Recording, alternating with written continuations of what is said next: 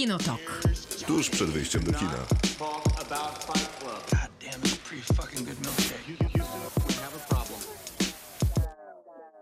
Witamy w Kinotoku. Pozdrawiamy Krzysztofa Majewskiego, bo dzisiaj znów program prowadzą tylko Maciej Stasierski. I Miłosława Bożek po raz ostatni już. Po raz ostatni, Przynajmniej tak. na jakiś czas. Tak, Krzysztof wróci zaraz z wywczasu i będzie trzecim głosem i wrócimy do tej formuły kłótni, przepychania się i walczenia o miejsce przy mikrofonie, ale dzisiaj dalej w tym intymnym gronie, w którym jest sporo czasu, żeby się wygadać, a dzisiaj faktycznie pewnie bardzo dużo czasu poświęcimy Jamesowi Bondowi. Tak jest, agent 007 powraca. Jak dzisiaj sprawdzałem, pięć razy była przekładana premiera Czas umierać, czyli No Time to Die, 25 Bonda, filmu, który wszedł na polskie ekrany w piątek i w ciągu trzech dni już zdążyło go zobaczyć prawie pół miliona Polaków. 25, ale to licząc te oficjalne premiery, bo teraz jak byłam Te w kinie, to tak. się zgłosił pan i powiedział, ale jeszcze były trzy, trzy nieoficjalne, więc w sumie wszystko się zgadza. I faktycznie półtora roku temu mieliśmy zobaczyć pierwszy raz na ekranie Nie czas umierać i myślę, że to była bardzo dobra decyzja, jak widać teraz w liczbach, żeby wyczekać pandemię i powrócić do kina w tym momencie, kiedy ludzie się czują dużo bardziej swobodnie.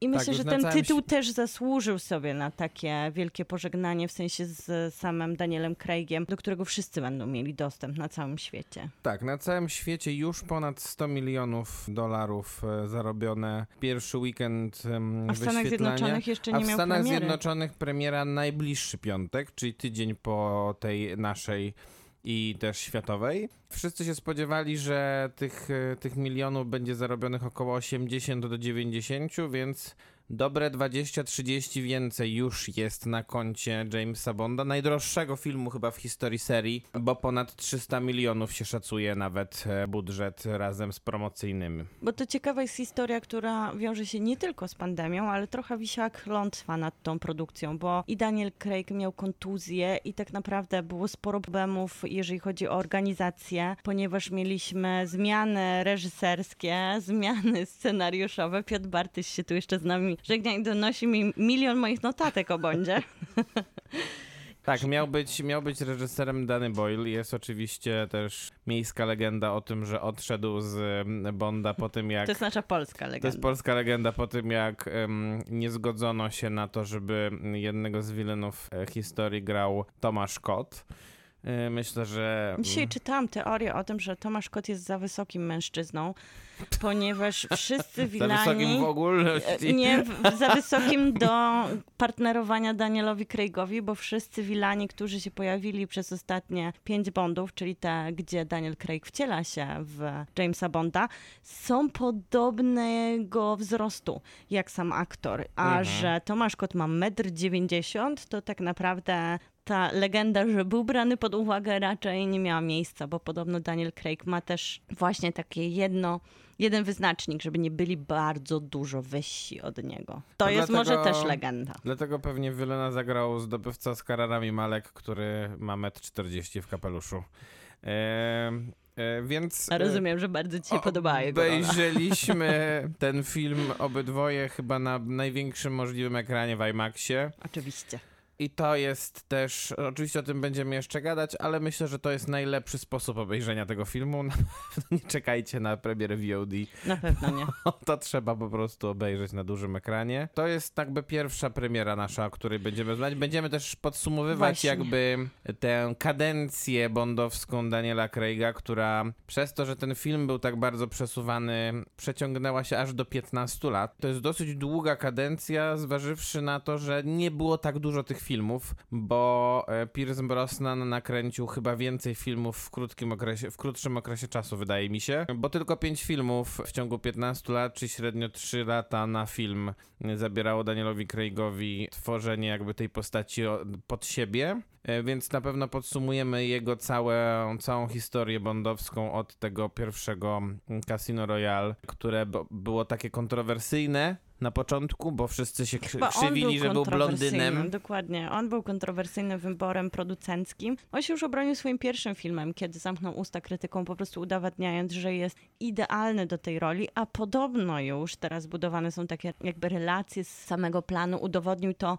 słynnym zdjęciem, które się ukazało jeszcze z planu, kiedy wychodzi z wody. Zwykle to dziewczyny Bonda wychodziły z wody, on patrzył z plaży na nie. Tutaj jest takie odwrócenie, on wychodzi z wody w takich niebieskich Kusych spodenkach. mhm. I to zdjęcie się ukazało jeszcze w trakcie, kiedy tak naprawdę ta kampania negatywna trwała wokół Daniela Craig'a i wtedy wszyscy już zaczęli myśleć, a może nawet nieźle, jakby to Fizis zaczęło jego udowadniać pewną przewagę nad innymi wcześniejszymi agentami, no ale o tym na pewno porozmawiamy. Tak, Więc potem... myślę, że pierwsza godzina będzie poświęcona Jamesowi, Tak. Bondowi. Później porozmawiamy jeszcze o dwóch produkcjach. Pierwszą będzie dokument Gunda, który można było oglądać w zeszłym roku na online'owej odsłonie Nowych Horyzontów, a teraz mniej więcej po, po roku wchodzi do kin i można go oglądać w kinach studyjnych. Jest to rzeczywiście maleńki film. Ale którym- ciekawe, że zdobył swoją dystrybucję, bo faktycznie Tak. nic na to nie wskazywało, ale festiwale udowodniły, że on popularny się był bardzo, na podoba, festiwalu. dobrze się o nim mówi, został świetnie przyjęty przez widownię, zwłaszcza w kontekście filmów dokumentalnych, więc no tutaj poświęcimy czas No takiej się- wzruszającej opowieści, która różni się od, można powiedzieć, filmów, które gdzieś promują pewne postawy, takie prozwierzęce, a tutaj ta promocja wynika raczej z emocjonalnego oddźwięku, jaki jest po oglądnięciu rzeczywiście filmu, niż samego się- narzucania jakiejś ideologii. Rzadko się tak bardzo w ogóle mówi o dokumentach, a z takimi emocjami to już w ogóle wydaje mi się jest to, jest to bardzo rzadka sytuacja, więc Gunda to jest nasza druga propozycja na dzisiaj. A trzecia to serial, krótki serial e, Apple TV, który stworzył Joseph Gordon-Levitt chyba pod siebie głównie, bo Na pewno. reżyseruje, pisze, produkuje i jest e, showrunnerem tego serialu, który się nazywa Mr. Corman i o którym dowiedzieliśmy się wczoraj, że nie będzie miał drugiego sezonu, więc generalnie recenzujemy miniserial tak naprawdę. Myślę, że nie będziemy nawet do końca go recenzować, jak odradzać chyba spotkanie z tym serialem, bo wszystko Nie co... jesteśmy zaskoczeni, że go skasowano po pierwszym sezonie. Nie jesteśmy, chociaż okazuje się, że Apple takiej decyzji nie podejmuje i chętnie nie kasuje swoich seriali jak Netflix, więc to, że zdecydowano się na taki gest w To stosunku do... Tak, myślę, że to dokładnie będzie świadczyło o tym, jakie będą nasze oceny tego serialu. To I zapraszamy słuchać serdecznie. będziemy dzisiaj dużo piosenek bondowskich. Tak, będziemy dedykować muzykę Jamesowi.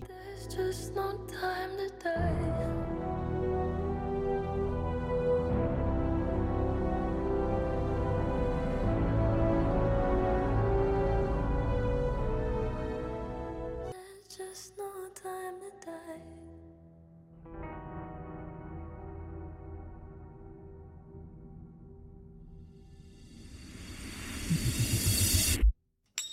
Kinotok. Tuż przed wyjściem do kina. God damn, it's pretty fucking good.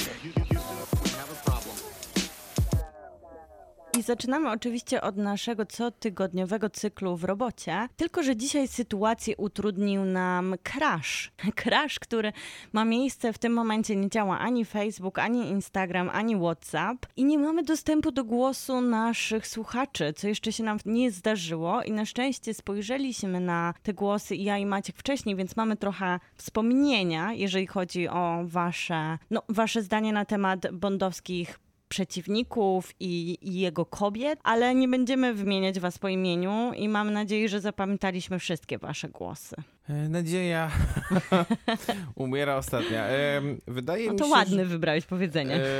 Em, Z tego co pamiętam, to w- chyba wszyscy nasi słuchacze wybrali Shona Connery za swojego, bo generalnie Właśnie, była taka konwencja, że mieliście wybrać swojego ulubionego odtwórcę Jamesa Bonda, ulubionego Wylyna i ulubioną dziewczynę Bonda, bo to są takie powiedzmy trzy najważniejsze kategorie tych film, w, w tych filmach, które się powtarzają zawsze. No i tak jak mówię, większość z naszych słuchaczy wybrała Sir Shona Connery, czyli niedawno zmarłego zresztą szkockiego aktora, który, który rozpoczynał filmową serię o Bondzie i zagrał go ile razy?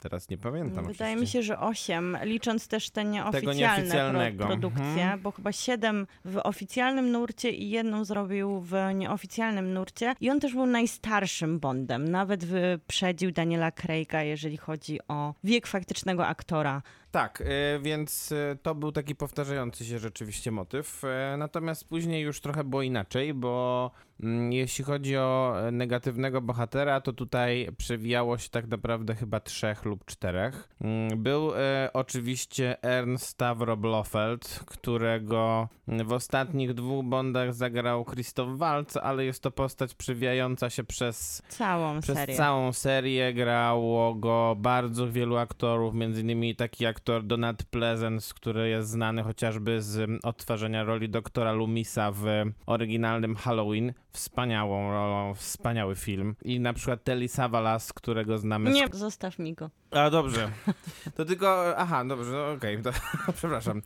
E, to przepraszam. Bicie po łapku. Był też. Ale nie mogłeś tego wiedzieć. Był też e, bohater, którego grał Christopher Lee w filmie Człowiek ze złotym pistoletem. To też jeden z moich ulubionych wilenów bondowskich. To też sobie go zostaw. Tylko nazwisko bohatera Francisco Scaramanga. On Mhm. rzeczywiście miał ten złoty pistolet, z którego zabijał swoich, swoich przeciwników.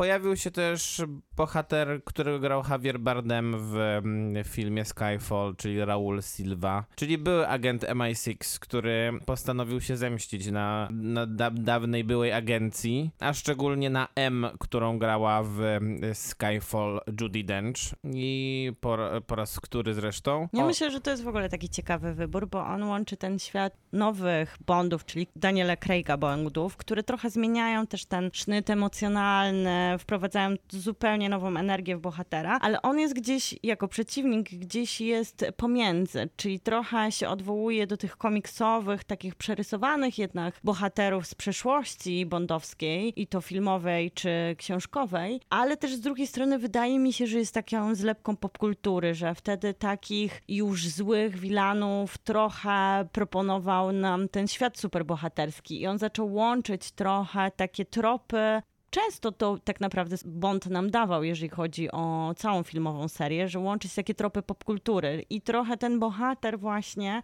Javiera Bardena jest takim łobuzem z świata superbohaterskiego, takim na granicy właśnie komiksu i przerysowania w tych swoich kolorowych koszulach z blond fryzurą. I I, tą twarzą, która się zmienia dokładnie w taką twarz wręcz potwora właśnie. No taki- ale Javier Bardem to jest też, e, myślę, że jeden z najlepszych aktorów, którzy grali w ogóle bondowskiego wilena. No, a poza tym jego, jego postać w Skyfall robi niesamowite wrażenie w, tej jednej z najlepszych scen tego Mhm. filmu, bo tam jest ta scena, w której M em, zeznaje przed komisją e, Izby Gmin i w tym momencie jakby w tle następuje ten atak terrorystyczny, który przeprowadza właśnie Silva i, i wtedy właściwie Bond ratuje M przed śmiercią podczas, podczas, tego, podczas tego posiedzenia, a ona wygłasza takie, takie bardzo płomienne przemówienie. Wtedy mniej więcej y, już wiemy, jaka jest więź pomiędzy M a Jamesem Bondem, w sensie tą M konkretną, którą odtwarzała Judy Dench od GoldenEye. Aż do Skyfall, czyli chyba już to było z Ale 8 też czy myślę, 10 że właśnie poza tą sceną, tak naprawdę to właśnie Silva buduje tą więź, bo pokazuje, że on Oczywiście. miał bardzo też podobne relacje, takie matczyne wręcz z M i on przez tą swoją tragizm postaci, przez to szaleństwo, przez tą właśnie zemstę, a z drugiej strony miłość, też kreuje nam to, co może odczuwać Bond, ta ich wieczna rywalizacja, a z drugiej strony taka potrzeba bliskości i akceptacji jak od matki. Ale też super sceną jest, kiedy Silva się konfrontuje z Bondem i dochodzi do takiej trochę homoerotycznego napięcia między nimi, kiedy on go tak dotyka i trochę go prowokuje. I właśnie w dokumencie, który można oglądać na HBO, Być jak James Bond, jest scena, w której producentka, czyli Barbara Broccoli, mówi o tym, że jeszcze inni producenci, czyli studio, powiedziało, że nie, nie, ta scena nie może się pojawić w Bondzie, oni jej nie chcą. I jednak Barbara Broccoli się uparła i był ten moment, w którym ta scena się wydarzyła wydarzyła w kinie na premierze i było widać taką autentyczną reakcję, że to przełamuje też te wcześniejsze filmy, w których jednak Bond nie pozwoliłby sobie na, na taką zabawę, więc jest to super takie przełamywanie właśnie i, i tutaj wydaje mi się, że Silva jest też tym bohaterem, który pokazuje, że jeżeli chodzi o scenariusze, to tam nigdy nie jest najlepiej w tle tych przeciwników i jednak to pozostaje kwestii aktora, który może to ograć swoją charyzmą, bo żaden z tych przeciwników nie ma szczerze napisanego jakoś wybitnych motywacji, I ani dlatego- ciekawego scenariusza w tle. I dlatego też, y, bo tam był jeszcze jeden głos, który teraz sobie przypomniałem, bardzo ciekawy, wydaje mi się. Nie do końca udany film. Drugi film Pierce'a Brosnana, czyli Jutro nie umiera nigdy. I tam główną postacią y, negatywną był bohater, który się nazywał Elliot Carver i grał go fantastyczny Jonathan Price. I był to magnat medialny, który chciał sterować światem poprzez wymyślanie fikcyjnych wojen i nastawianie krajów przeciwko sobie. To wcale nie jest taka głupia idea. Nie, bardzo współczesna. I bardzo współczesna idea rzeczywiście takiej, takiej wojny polegającej na tworzeniu fake newsów. To takie można byłoby wręcz powiedzieć, było dosyć profetyczne w tym scenariuszu tego nie najbardziej udanego bondowskiego akcyjniaka. No i Jonathan Price to jest przecież też fenomenalny aktor. Zresztą niedawno przecież pierwszy raz w karierze, co wydaje mi się dosyć, dosyć symptomatyczne z punktu widzenia Akademii Filmowej, nominowany do Oscara za swoją rolę w dwóch papieżach, e, gdzie grał fre, papieża Franciszka. E, Natomiast jeszcze mieliśmy dziewczyny Bonda. Tam pamiętasz? Tak, ja pamiętam, że wszyscy jak jeden mąż oddali głos na Ewę Green. Jednak. Tak, to naprawdę, ale to nie jest dziwne, bo to jest tak naprawdę jedna z niewielu dziewczyn Bonda z krwi i kości, które też myślę, że z jednej strony Daniel Craig zmienił oblicze Bonda, ale bardzo pomogła mu Ewa Green, która stała jego boku w momencie, kiedy on się przedstawiał jako Bond. I to jest trudna bohaterka, w sensie trudna z perspektywy scenariusza, bo jednak na koniec ta jej zdrada sprawia, że tak naprawdę jak już w końcu oddano kobiecie głos, to wyrwano go ostatecznie w finale, jeszcze tym słynnym powiedzeniem, które napisał sam Bond, ale powiedział go też Daniel Craig, którego cytować tutaj nie będę. Ale Tak, bohaterka grana przez Ewę Green w Casino Royale to jest Vesper Lind i ona rzeczywiście postawiła e, dziewczynom Bonda trochę inną poprze- i wyżej poprzeczkę ze względu na to, że dawno nie było tak naprawdę mocno skrojonej bohaterki e, w mm, filmie o Jamesie Bondzie. Myślę, że em, Madeleine Swan, czyli bohaterka, którą gra e, Lea Seydoux e, zarówno w Spectre, jak i teraz w No Time to Die. To był taki, to był taka, była taka próba nawiązania do tej jakości. No i pewnie porozmawiamy o tym e, niedługo, czy udana. Mm, Tak. Natomiast za chwilę Miłka nam zdradzi swoje typy. a Maciek swoje.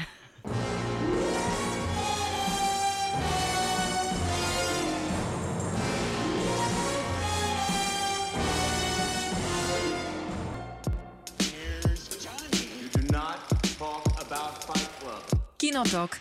Film. Bardzo pasuje ta muzyka nam w przerwach, Tak, kiedy tak. czekamy, żeby porozmawiać na antenie. Naprawdę świetnie, świetnie nastraja do takiego, Mhm. do takiego A szczególnie ta ze starych Bondów. umysłowego pojedynku, który teraz odbędziemy. Oj, to będzie pojedynek. e, Miłka, to jaka jest twoja ulubiona dziewczyna Bonda, że tak zacznę od tyłu? Dobrze, zacznij, bo zostawmy sobie Bonda na koniec Tak samego. jest. Dobra, to czekaj, ja tutaj przerzucę moją nieskończoną ilość notatek.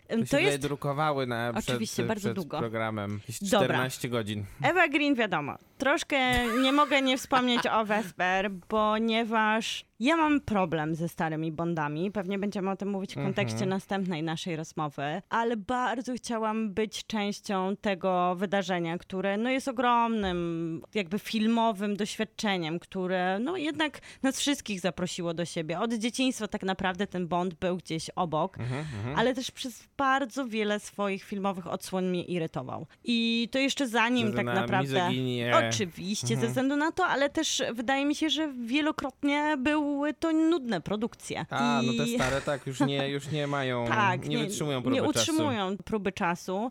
I te kobiety tam po prostu nie istniały. Za każdym razem na nowo wymyślane i był sposób, żeby je obrazić i trochę Chciałem- postawić w Wystarczy, gorszym świetle. wystarczy powiedzieć, że w Doktorze No główna bohaterka, główna po- postać kobieca grana przez Ursulę Andres był, nazywała się Honey Rider, a główna postać y, Plenty O'Toole, y, Mary Goodnight, grana przez Honor Blackman w Goldfinger nazywa się Pussy Galore. Dr. Christmas Jones. Christmas Jones, tak, taka postać kobieca. No i oczywiście wspaniała postać z em, żyje, się, żyje się tylko dwa razy Kissy Suzuki.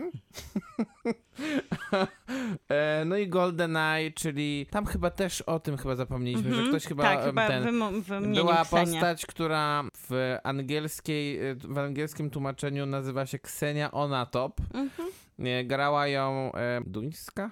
Szwedzka? tak. Duńska aktorka Famke Jansen. Wspaniała aktorka. Nie miała absolutnie nic do roboty, poza tym, że dusiła swoimi udami tych I mężczyzn. wtedy miała ogromną z tego E, przyjemność. co więcej, polskie tłumaczenie, bo Polacy zastosowali, jedno, podjęli się tłumaczenia nazwiska, więc e, jak ktoś oglądał GoldenEye e, na jednej z polskich telewizji, to się dowiadywał, że postać się nazywa Ksenia Nagórna. No i proszę, no i dlatego ten stosunek do kobiet sam jakby zdradzał James Bond w scenariuszach, dając takie fikuśne i mało poważne i raczej obraźliwe imiona dla swoich dlatego bohaterek. Lind rzeczywiście, mm, rzeczywiście I tam mm, są takie jest na przykład w tym doku- powyżej. To w tym dokumencie jest zwrócona uwaga, uwaga na to, że jest taka scena pod prysznicem, kiedy Eva Green, czyli Vesper, siedzi i płacze i Bond e, podchodzi do niej i się przytulają i taka więź między nimi e, się wiąże.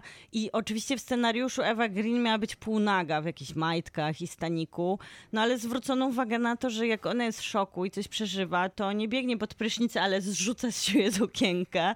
I to są właśnie takie momenty, w których jednak ten do, do głosu dochodzi taka racjonalna strona opowiadania historii, też e, z perspektywy kobiecej, że kiedy wiąże się między nimi ta relacja, to ona się wiąże z czegoś więcej niż pokazywania kawałka ciała, czy stawiania kobiety w takiej roli, kiedy ona jest zależna od Bonda. No tylko troszkę mnie zabolała faktycznie ta końcówka ze zdradą, która odebrała jakby to wszystko, co Eva Green zbudowała na ekranie. I myślę, że tutaj też głównie zasługą jest to aktorską, bo Eva Green jest niesamowicie charakter- ch- taką oczywiście charakterystyczną, ale też charyzmatyczną, uwodzicielską, ale też taką inteligentną aktorką. Mówię o jej fizis. Ona taką swoją prezencją wnosi coś takiego, że my czujemy się naprawdę obezwładnieni jej obecnością, ale w taki sposób dużo bardziej skomplikowany niż po prostu, bo widzimy piękną kobietę. Tak. I tutaj też sama postać Vesper nie ma aż tak dużo do zagrania, ma dużo też takich raczej ujmujących cech, ciągłe trzymanie za naszyjnik od jej kochanka. Tak, ale z drugiej strony ona jest e, pewnego rodzaju e, kataliza, em, jakby ona rozpoczyna jakby całą zabawę. Tak, no i to bo jest ona, super. Bo ona wprowadza Bonda w intrygę, bo ona się z nim spotyka w tym e, niesamowitym pociągu, w którym nic nie słychać. Ona jest jakby jego pierwszym kontaktem, a potem dochodzi do jakby... I, i tam jest duży dystans na początku pomiędzy nimi. Bardzo, bardzo. A potem rzeczywiście nabierają do siebie coraz więcej sympatii. I ona też jest tym, co niesie przez następne Bondy, takie troszkę wyobcowanie Craiga jako Bonda, takie poczucie winy, to, co sprawia, że on jest ludzki, to, że zawsze jest zgarbiony, to, że on sobie jednak z tą sytuacją nie potrafi poradzić, nie radzi sobie z nią aż do finału, czyli do ostatniej, ostatniej odsłony Bonda, gdzie tak naprawdę, to nie będzie spoiler, bo to myślę, że to już jest powiedziane w zbyt wielu miejscach, że on jedzie też się rozliczyć ze swoją przeszłością. Tak, jedzie się może- pogodzić ze, z pamięcią o Vesper.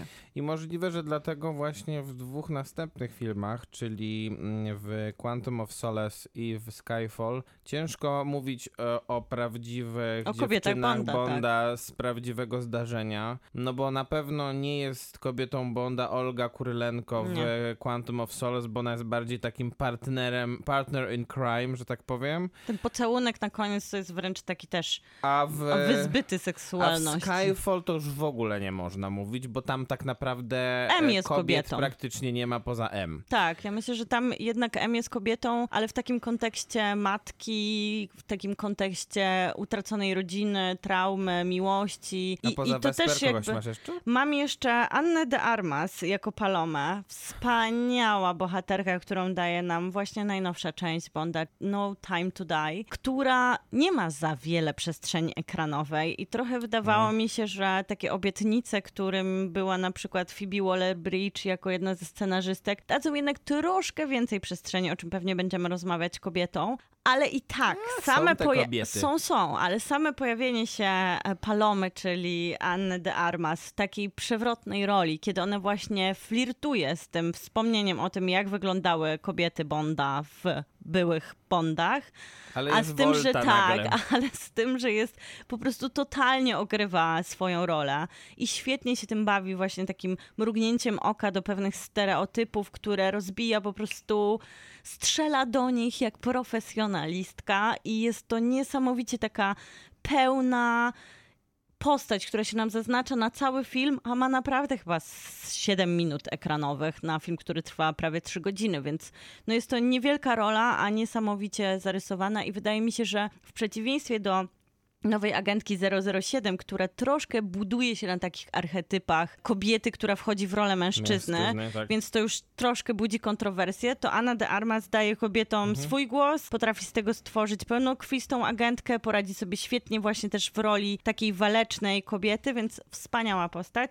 No ja bym też chciała wrócić do takiej kobiety, która jest trochę przeciwniczką, ale jednak kobietą w Bondzie, czyli Grace Jones jako Mayday. No Mayday to też nazwa doskonała. tak, w no, naprawdę złym Nie, nie, filmie. bardzo dziwne są w ogóle te nazwy, bo na przykład bohaterka, którą gra Gemma Atherton w Quantum of Solace się nazywa Strawberry Fields. No i No come on, no to naprawdę, to, to, to, czy ktoś myśli, że tylko w, a, tylko w Anglii się mówi po angielsku? Naprawdę nie będziemy wiedzieć, co to znaczy, że kobieta nazywa się Pola Truskawek? No come on, no dobrze, przepraszam, że ci Nie, ale bardzo dobrze, bo to pokazuje, jak ciężko jest znaleźć kobiety w całej serii bondowskiej, bo jeżeli one naprawdę zostają takie obraźliwe już imiona, to jak mogą sobie później poradzić na ręce ekranie, jak one też, no trzeba przypomnieć, że te wszystkie wcześniejsze Bondy to albo to były jakieś takie trochę przebieranki, wszystko jakieś takie zbyt egzotyczne, w pełnym negliżu. Tak, na przykład ym, słynna postać, którą gra Jane Seymour, aktorka przecież znana z, Z Dr. Queen, Queen, troszkę która,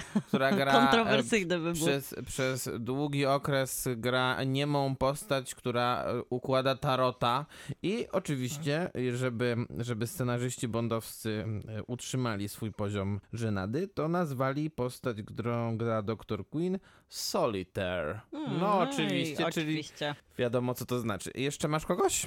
Ja jeszcze mam, tylko powiedz mi, jak ładnie mam przeczytać z chińskim akcentem e, pierwszą azjatycką Chiński dziewczynę. akcent to nie moje, to nie moje. Lin, czyli Michelle Yeoh. I Ja tak bym No powiedział. ja też bym tak powiedziała. Tak, to też jest taka... A, lubisz ją. nie Em, lubię tego filmu, ale też... Ja nie lubię tego filmu i to nie jest dalej szczególnie mocna bohaterka, ale sam fakt trzeba zaznaczyć, że pojawia się tutaj no i azjatycka bohaterka Tak. I ona Chociaż też dostaje była taki... Kissy Suzuki. Ale jednak e, tutaj myślę, że Wai Lin jest na dużo wyższej pozycji, bo Tak, też tak. jest taką właśnie partnerką. Ona też pokazuje swoją siłę i zdolności, jakby walki. Potrafi wyjść nie tylko z tej perspektywy patrzenia na Bonda jako uwodzicielskiego, seksownego po prostu człowieka, który no wszystko co mówi jest najważniejsze, tylko jednak stają w takiej partnerskiej opcji. Bo to jest też ważne, że się zmieniały te. Jeżeli, jeżeli coś się zmieniało w, bud- w po- tworzeniu dziewczyny Bonda, to to, że one im dalej szliśmy w tą serię, tym bardziej stawały się pewnego rodzaju właśnie partnerkami. Nawet w tych walkach brały udział, nie wiem, zaczęły, w pewnym momencie zaczęły strzelać z pistoletu, więc, więc brały udział trochę na równi z nim, w, szczególnie w tych konfrontacjach finałowych. No i mam jeszcze Naomi Harris, którą uważam, że jest świetną Money Penny, bo właśnie ona wychodzi z trochę z takiego punktu, z którego wychodzą wszystkie dziewczyny Bonda, czyli jakieś napięcie seksualne, seksualne, taka tutaj No rywalizacja taka była zawsze ciekawa. Mamie Penny, nie? Ona była zawsze zakochana w nim. Ale właśnie ona dostaje swój głos i przestaje w pewnym, Tak. w pewnym momencie być nim zakochana i to jest wspaniałe uwolnienie postaci i danie jej jakby takiej włas własnego oddechu, własnego życia. Nie jest to sprawiedliwe, że była przykuta i tylko wpatrzona w Bonda i on też ją manipulował często i wykorzystywał do swoich Tak, tak. celów. A z Danielem Naomi Craigiem Harris- stworzyli relację, która wychodziła z takiego punktu kobieco-męskiego, ale jednak stała się przyjacielska. Tak, zresztą Naomi Harris to wspaniała aktorka, która myślę, że jeszcze będzie nas zaskakiwać. E, Ja bym miał tak.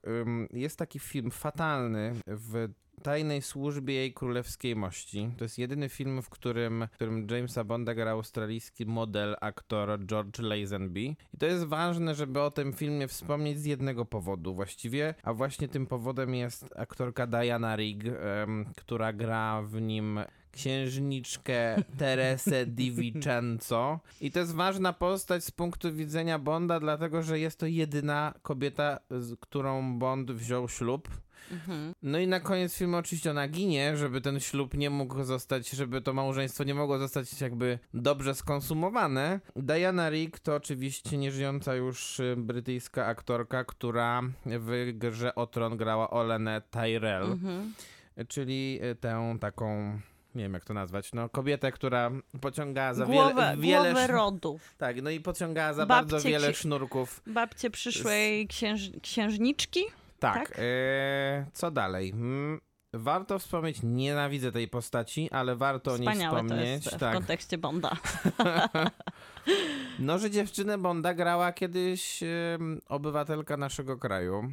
Nazywa się, nazywa się Izabela Skorupko i grała postać, która się nazywa Natalia Simionowa. To był GoldenEye, pierwszy Bond, w którym e, postać, postać 007 gra Pierce Brosnan. Nie jest to jakaś super ciekawa postać, ale zawsze warto odnotować ten fakt, że... mm, Że mieliśmy swoją dziewczynę że Bonda. mieliśmy swoją dziewczynę Bonda. Ja będę oczywiście jednak bronił Madeleine Swan. Myślę, że e, Ale to pobronimy sobie to jeszcze później. ją pobronimy. Oczywiście Ja to, to, będę co, bronić. To, co powiedziałaś, najlepszą dziewczyną Bonda i tak jest Judy Dench. To jest, to jest teza, którą myś- myślę, że da się wybronić. Totalnie. Zwłaszcza Natomiast- w twoich ustach brzmi jak prawda. Natomiast ja mam też taką jedną, która jest pewnego rodzaju moim guilty pleasure, bo ona jest jednocześnie dziewczyną Bonda i Velenem Bondowskim. O, super, I- że ją masz. I się nazywa Electra King y, i gra ją Sophie Marceau w ostatnim z kolei, nie przedostatnim, przepraszam, filmie, w którym e, występuje Pierce Brosnan, czyli Świat to za mało. No i Sophie lubię. Marceau jest petardą w tym filmie. jest. Naprawdę jest petardą. właśnie dziwaczną postać. W ogóle ten cały film jest dosyć Taki, dziwaczny, No, tam. ale ona jest super. Wiele rzeczy w tym filmie się nie zgadza, Nie, nie, począwszy więcej od tego, że nie zgadza, począwszy od tego, że drugim wylenem jest Robert Carlyle, który gra faceta, który ma, który ma nabój wbity w mózg, ale ten nabój nic mu nie robi. Bo nie odczuwa bólu. Odczuwa bólu, ale jakby ktoś go walnął w głowę, to by umarł. Więc naprawdę, naprawdę No i tym świetny, akcentem świetny temat. dziewczyny Bonda.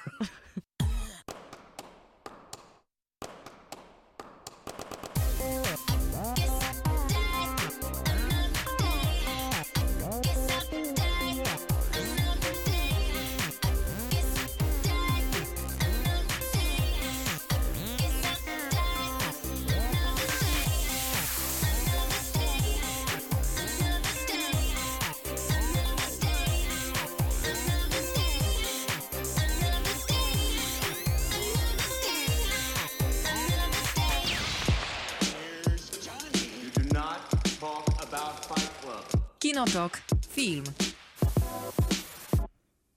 Maciek i jego przeciwnicy.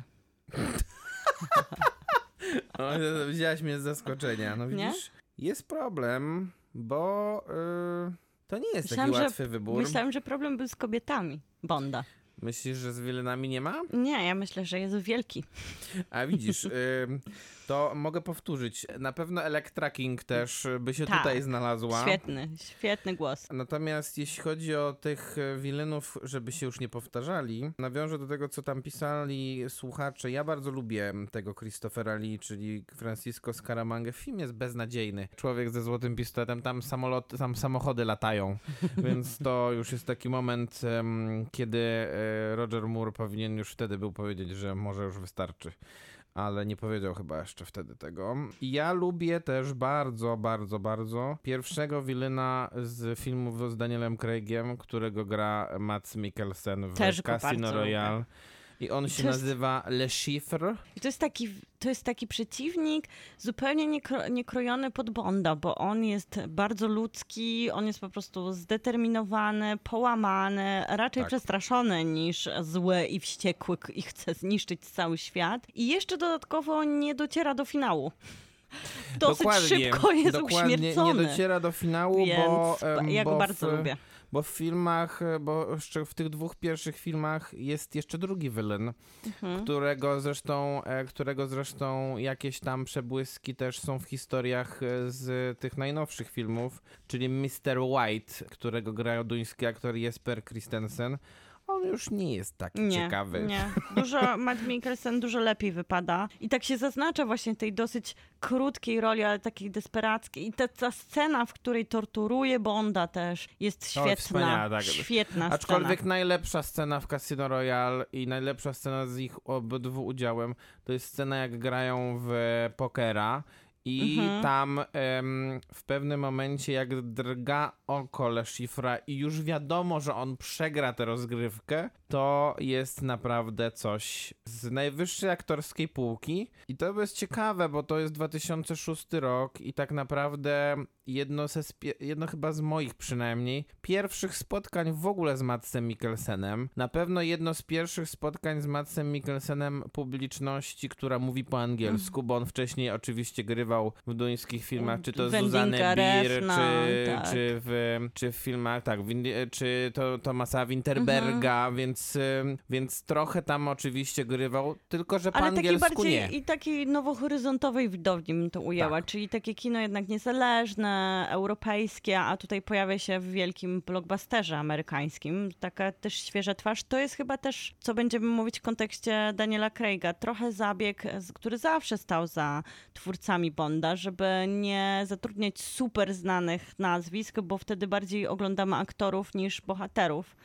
No ale No, nie zawsze się to jest udawało. straszna bieda, takie jest moje odczucie, bo jeżeli kogoś jeszcze... Ja bardzo lubiłem też tę postać, tylko że ona nie jest do końca jakby takim łatwo określonym wilynem. Jest taki bohater w GoldenEye, nie, nie, nie, ten, pier- nie ten główny wilen, którego teoretycznie gra Sean Bean. A ja E, lubię Shona Beana.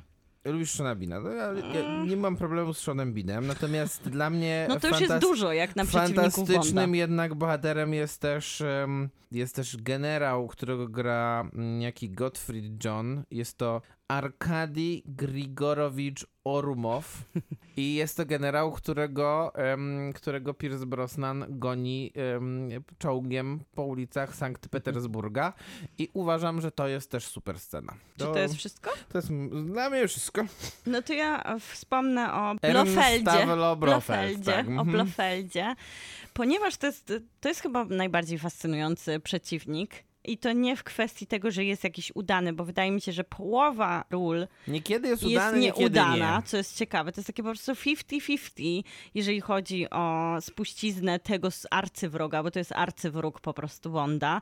I to jest też człowiek, który pojawiał się, chyba najczęściej się zmieniał jako aktor i każdy aktor miał na niego inną koncepcję, więc dostajemy tego arcywroga noszącego jedno nazwisko w tak wielu wydaniach, od takich prześmiewczych, kreskówkowych, po tą już współczesną, która jest jakby taka dużo bardziej przyziemna, ale też taka arcywroga, bo oczywiście to jest po prostu człowiek, który stoi za wszystkimi wilanami Bonda. On tak, Tak. naprawdę z rozmachem, On to jest- jest taki puppet master. Tak, on to jest ważne, że kiedyś, zanim jeszcze upadła komuna, to on był szefem, e, w Polsce się mówiło, że jest szefem organizacji Widmo.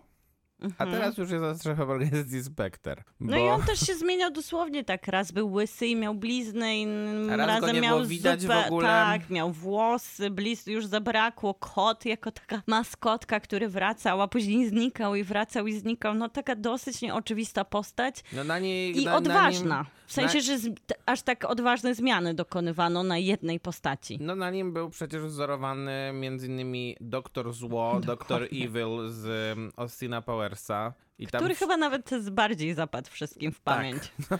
niż e, niektóre odsłony. I ja też lubię szczęki, ale z e, szpiega, który mnie kochał, bo Moonraker, że on Nie, już już został tam jest zupełnie fatalnie. zniszczony i Mhm. zupełnie szkoda, że go jakby przeniesiono do kolejnego filmu, bo w samym szpiegu jest wspaniały. Jest wspaniały, no ogromny, gigantyczny człowiek, który tak naprawdę nie jest tam po to, żeby coś mówić i wygłaszać jakieś wielkie tezy o tym, jak oczyści świat, albo zbuduje nowy świat, albo chce się mścić, albo nienawidzi.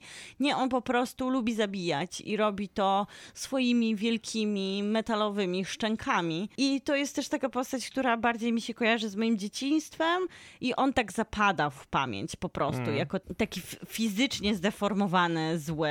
I ja też lubię Maxa Zorna w Zabójczym Widoku, czyli w filmie, który zupełnie nie ma sensu i jest okropny, ale...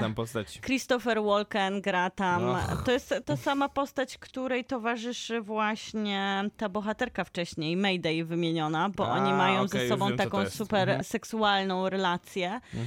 I tutaj jest taki, ten Max Zorn jest po prostu totalnie szalony, przegięty. Christopher Walken sobie pozwala na wszystko i to jest bardzo jeszcze przed Marvelowskie, ale wydaje mi się takie bardzo super bohaterskie i komiksowe, ale on ratuje ten bardzo zły film i tam jest takim Davidem Bowie i ma w sobie taki, reprezentuje swoje czasy, Powiedzmy, że- 85, powiedzmy sobie, że jest jest sobą. sobą i robi to super. Christopher Walken zawsze był sobą.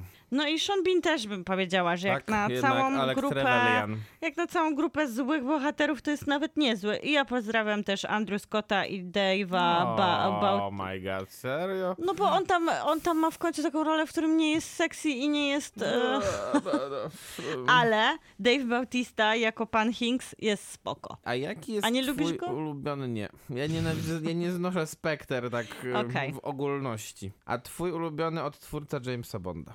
Daniel Craig. Znaczy generalnie myślę, myślę że teraz bardzo dużo ludzi wyłączy, bo żadne z nas nie Mm. powie Sean Connery. No ale Bo- to wszyscy myślą, dlatego- więc to, to są, dlatego- o, zostawiamy im ich Dlatego Bonda. że, dlatego, że ja powiem, że moim ulubionym odtwórcą Pierce Brosnan. jest Pierce Brosnan. Ja się cieszę, bo to jest... No co ja, no po prostu nie mam Co ja mam siły. no. zrobić? Co Nie mogę się zrobić, obronić przed jego no nie, urokiem. No nie da się, no nie da się. No Pierce Brosnan, który Ale ja też go lubię. jest wspaniały. Tylko, że bardzo mi się podoba gdzieś, albo to przeczytałam, albo w tym dokumencie padły takie słowa, że Pierce Brosnan, bo to jest dokładnie jakby, mówimy o tych bohaterach, którzy się wymieniają. Twój bond, jakby twojego Bonda zastępuje mój Bond. Tak. I twój Bond, czyli właśnie taki elegancki, wyprostowany, zawsze schludny, w idealnie wyprasowanym garniturze, to jest Bond, który, on nie walczy. On Nie. jakby reprezentuje walkę, ale to dlatego, ale on się był- nie poci. Dlatego, że Pierce jak zaczynał, to już nie był taki młody jak Daniel Craig jednak i, i też kończył już dosyć staro. Cztery filmy tylko nakręcił Pierce Brosnan, ale na przestrzeni jednak 7 lat, a Daniel Craig 15 lat i 5 filmów. No ale Pierce Brosnan po pierwsze, co by nie powiedzieć, to po karierze bondowskiej pokazał, że jest po prostu wspaniałym aktorem jeszcze przy okazji, więc to, to ja to dodatkowo jakby jest decydujące dla mojego wyboru. No wspaniały jest Pierce Nie, ja go Brosnan. bardzo, ja He's go my bardzo lubię. crush. Tylko też problem jest taki, że on nie ma za dużo fajnych filmów bondowskich. Ale ma jeden, jeden z najlepszych, bo ja uważam, że Golden Eye to jest jeden z najlepszych Bondów Okej, to ever. prawda, że on się broni, Golden Eye, ale ma tam też trochę takiego szaleństwa bondowskiego po drodze. No ma, nie trzymającego ale... się kupy. No nie no, szczególnie e, Die Another Day, czyli film, w którym bohater staje się nagle Azjatą po zmianie, po zmianie e, twarzy i mm, no jest ten, jest ten cały hotel z lodu, no to to jest bardzo już słabe.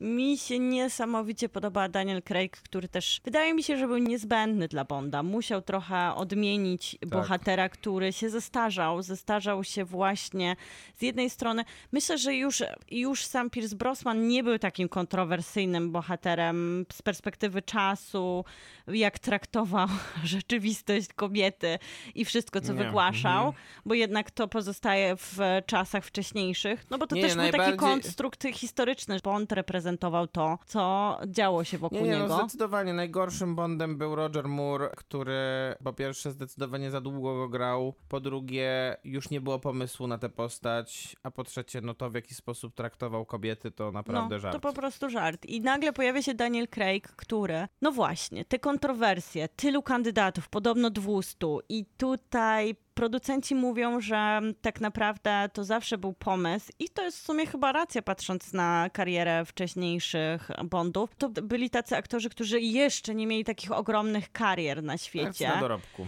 I tak, i to jest niezły pomysł, żeby faktycznie to nie był aktor, który się wciela w Bonda, tylko dostawalibyśmy Bonda i dopiero on tworzy tego aktora na takiej przestrzeni międzynarodowej. I trochę tak było z Danielem Craigiem, że on już był dorosłym aktorem, z niezłym dorobkiem, ale raczej takiego kina artystycznego, mniej znanego. Drugie plany. Brytyjskiego, bardzo mocne drugie plany, ale takie, że nie zapadają tak mocno w pamięć, żebyś od razu go skojarzył. No i te kontrowersje, to ile się wylało hejtu na, Mm. jakby też pokazało to, że Bond miał zmienić wszyscy- pewne Jednak podejście. wszyscy lubili, jak ten Bond był Tak, mizoginicznym dokładnie. I gnidą. okazali się Bondem, w tym starym Tak Bondem. jest, tak po jest. prostu popatrzyli na wszystko z góry, jak Mm. ten arystokrata w garniturze i obśmiali Craiga, że jest ziemniakiem, burakiem, blondynem, brzydakie, brzydalem z odstającymi uszami, który co najwyżej może jeździć ciężarówką. I uwaga, i on faktycznie eskortował królową Elżbietę. Chciałem powiedzieć tylko, że e, na koniec, że Daniel Craig teraz wszystkim tym ludziom śmieje się w twarz, Tak. bo po pierwsze, wszystkie jego filmy bondowskie zarobiły zdecydowanie najwięcej pieniędzy, e, włącznie ze Skyfall, które chyba przekroczyło miliard dolarów. Tak, był przecinek po miliardzie. A po drugie, no to on jest teraz mężem Rachel Weisz, a ci inni ludzie po prostu mogą im tylko czyścić buty. Dziękuję. Chyba jest moment, żeby zagrać Duran Duran, właśnie które w 85 towarzyszyło Bondowi.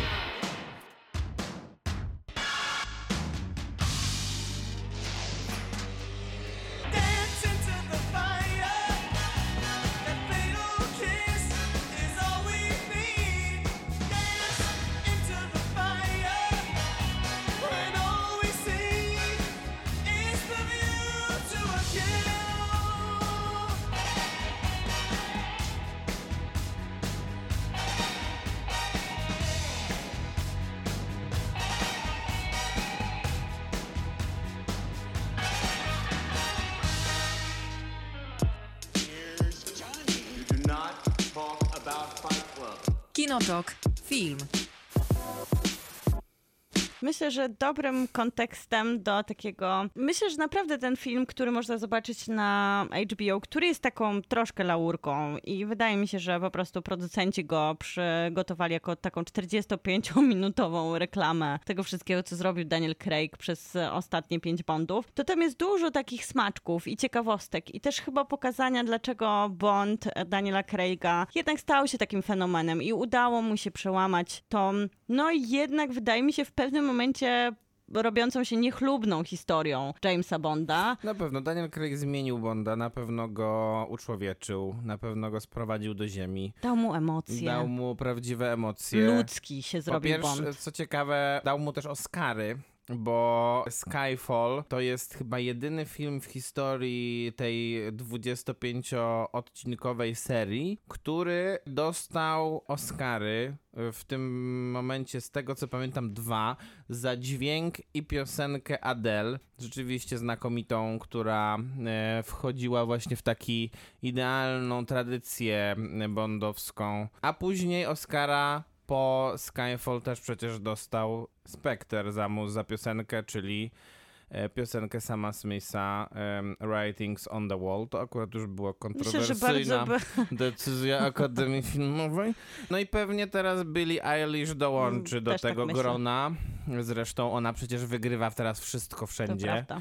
85 nagród Grammy. Chociaż nie jest to jakaś najbardziej chwytająca za serce piosenka, to bardzo pasuje też do tego jednak, czym jest Nie czas umierać, bo jest też pożegnaniem, pożegnaniem z aktorem, e, aktor się żegna z tą rolą, zapowiadał No nie to ma już... tutaj takiej arii, nie ma tutaj takiego momentu, gdzie ona rzeczywiście, nie wiem, wyciąga jakiś super Tak. wysoki dźwięk, tak jak Ale właśnie taka Adele, smutna czy... jest ta, smutna jest ta piosenka, ale no jednak jest to finał, finał aktorski przygody Craiga, tej długiej 15-letniej przygody, w której on też poświęcił się strasznie fizycznie. I to jak trochę myślimy o Mission Impossible, które zawsze było markowane tym, że jednak Tom Cruise jest człowiekiem, który zastępuje swoich kaskaderów. Trochę był taki pomysł na siebie właśnie Daniela Craiga i to widać w tym filmie. Dlatego my tak bardzo polubiliśmy tego agenta, bo my wierzymy, że on jest agentem, że on biegnie, że on się poci, że większość tych rzeczy to nie są kaskaderowie, to jest prawda sam Daniel powinien parę Craig. razy zginąć, ale E, wszystkich... nie o to nigdy chodziło w bandzie. Wi- Wiadomo. E, natomiast no, trzeba też powiedzieć jedną rzecz co do tych pięciu filmów, że one różnej były jakości. W sensie Casino Royale było, jest jednym myślę z najlepszych Bondów do dzisiaj. Quantum of Solace było jednak sporym I rozczarowaniem. tutaj w ten dokument o bycie James Bond wyjaśnia, że to był czas, kiedy w Stanach Zjednoczonych, w Hollywoodzie były protesty scenarzystów i oni Tak. po prostu nie mieli scenariusza i oni postanowili ryzykownie, co widać w tym filmie, opowiedzieć film bez scenariusza i on trochę takim No filmem jest, nie ma. ale ja go widziałam wczoraj Hmm. i to jest taki film, który nawet nie jest taki zły na to, jak mógłby być zły. W sensie, I on on, oddaje sporym- nawet, on, on jest bardzo wpisany w tą e, spuściznę wcześniejszych Bondów. Tam się wszystko zgadza tak technicznie, że jest dużo akcji, jest Ale jakaś jest sporym taka jednak obniżeniem Nie, no jakości jest, w w stosunku całości do to Casino tak. Royale. Całości. To Potem tak. mamy z kolejny skok jakościowy, bo Skyfall jest chyba najlepiej, jeśli chodzi o recenzentów z mm, ocenianym w Kochamy ogóle. Bondem. Wspaniały film, za który już wtedy pewnie mm, Roger Dickens powinien dostać Oscara za zdjęcia. Film wyreżyserowany przez sama Mendesa, zresztą przecież już teraz na stale też współpracującego z Dickensem reżysera, ostatnio 1917 między innymi. Potem sam Mendes już miał nie robić Bonda, ale zrobił to Spectre, bo go przekonano, żeby to zrobił. Ale to czekaj, zostańmy przy tym Spectre, który jest właśnie Skyfall, też, mhm. przy Skyfall, który jest też takim, pierwszy film otwierający dla Craiga Bonda był bardzo ważny, ale wydaje mi się, że to Skyfall było tym momentem, że właśnie troszkę nie było tej kobiety, co zaznaczyliśmy wcześniej, więc zupełnie inne jakby przeniosły się akcenty na rodzinę, na to, że Bond był ludzki, słaby, traumatyzowany, załamany, tam on wraca do służby właśnie po kontuzjach, musi się mierzyć z własnym ciałem, tak, i tam, go widzimy w tym zaroście i to, co najbardziej lubię, wiecznie pijącego jakieś hektolitry alkoholu. No i tam to jest, jest- e, To jest pierwsza taki brudny Q. Bond. Tam jest pierwsza z Q, którego gra mm, Ben Whishaw. On stara mu się rzeczywiście pokazać, e, znaczy on musi przejść te wszystkie testy sprawnościowe, których nie przechodzi, więc trzeba je powtarzać w nieskończoność. Tam jest rzeczywiście najmocniej zarysowana relacja z M, bo z tego co y, pamiętam, jak czytałem parę wywiadów z Judy Dench, ona zawsze się trochę naśmiewała z tej swojej roli M, bo wszyscy ją znali właśnie z tej roli. A ona sama mówiła, że ona w ogóle nie rozumie, o czym mówi na ekranie.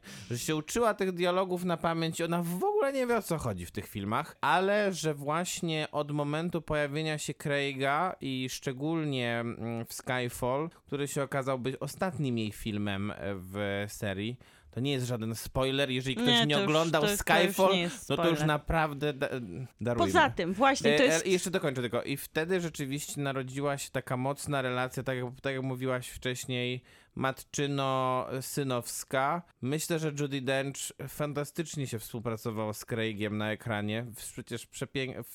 fenomenalna aktorka, która wreszcie rzeczywiście dostała coś do zagrania jako M. Tam musi przecież tam podejmowała najbardziej radykalne decyzje co do swojego przecież ukochanego agenta, bo w pewnym momencie pierwsze w otwierającej scenie filmu mówi do, mówi do Manny Penny take the bloody shot. Mhm.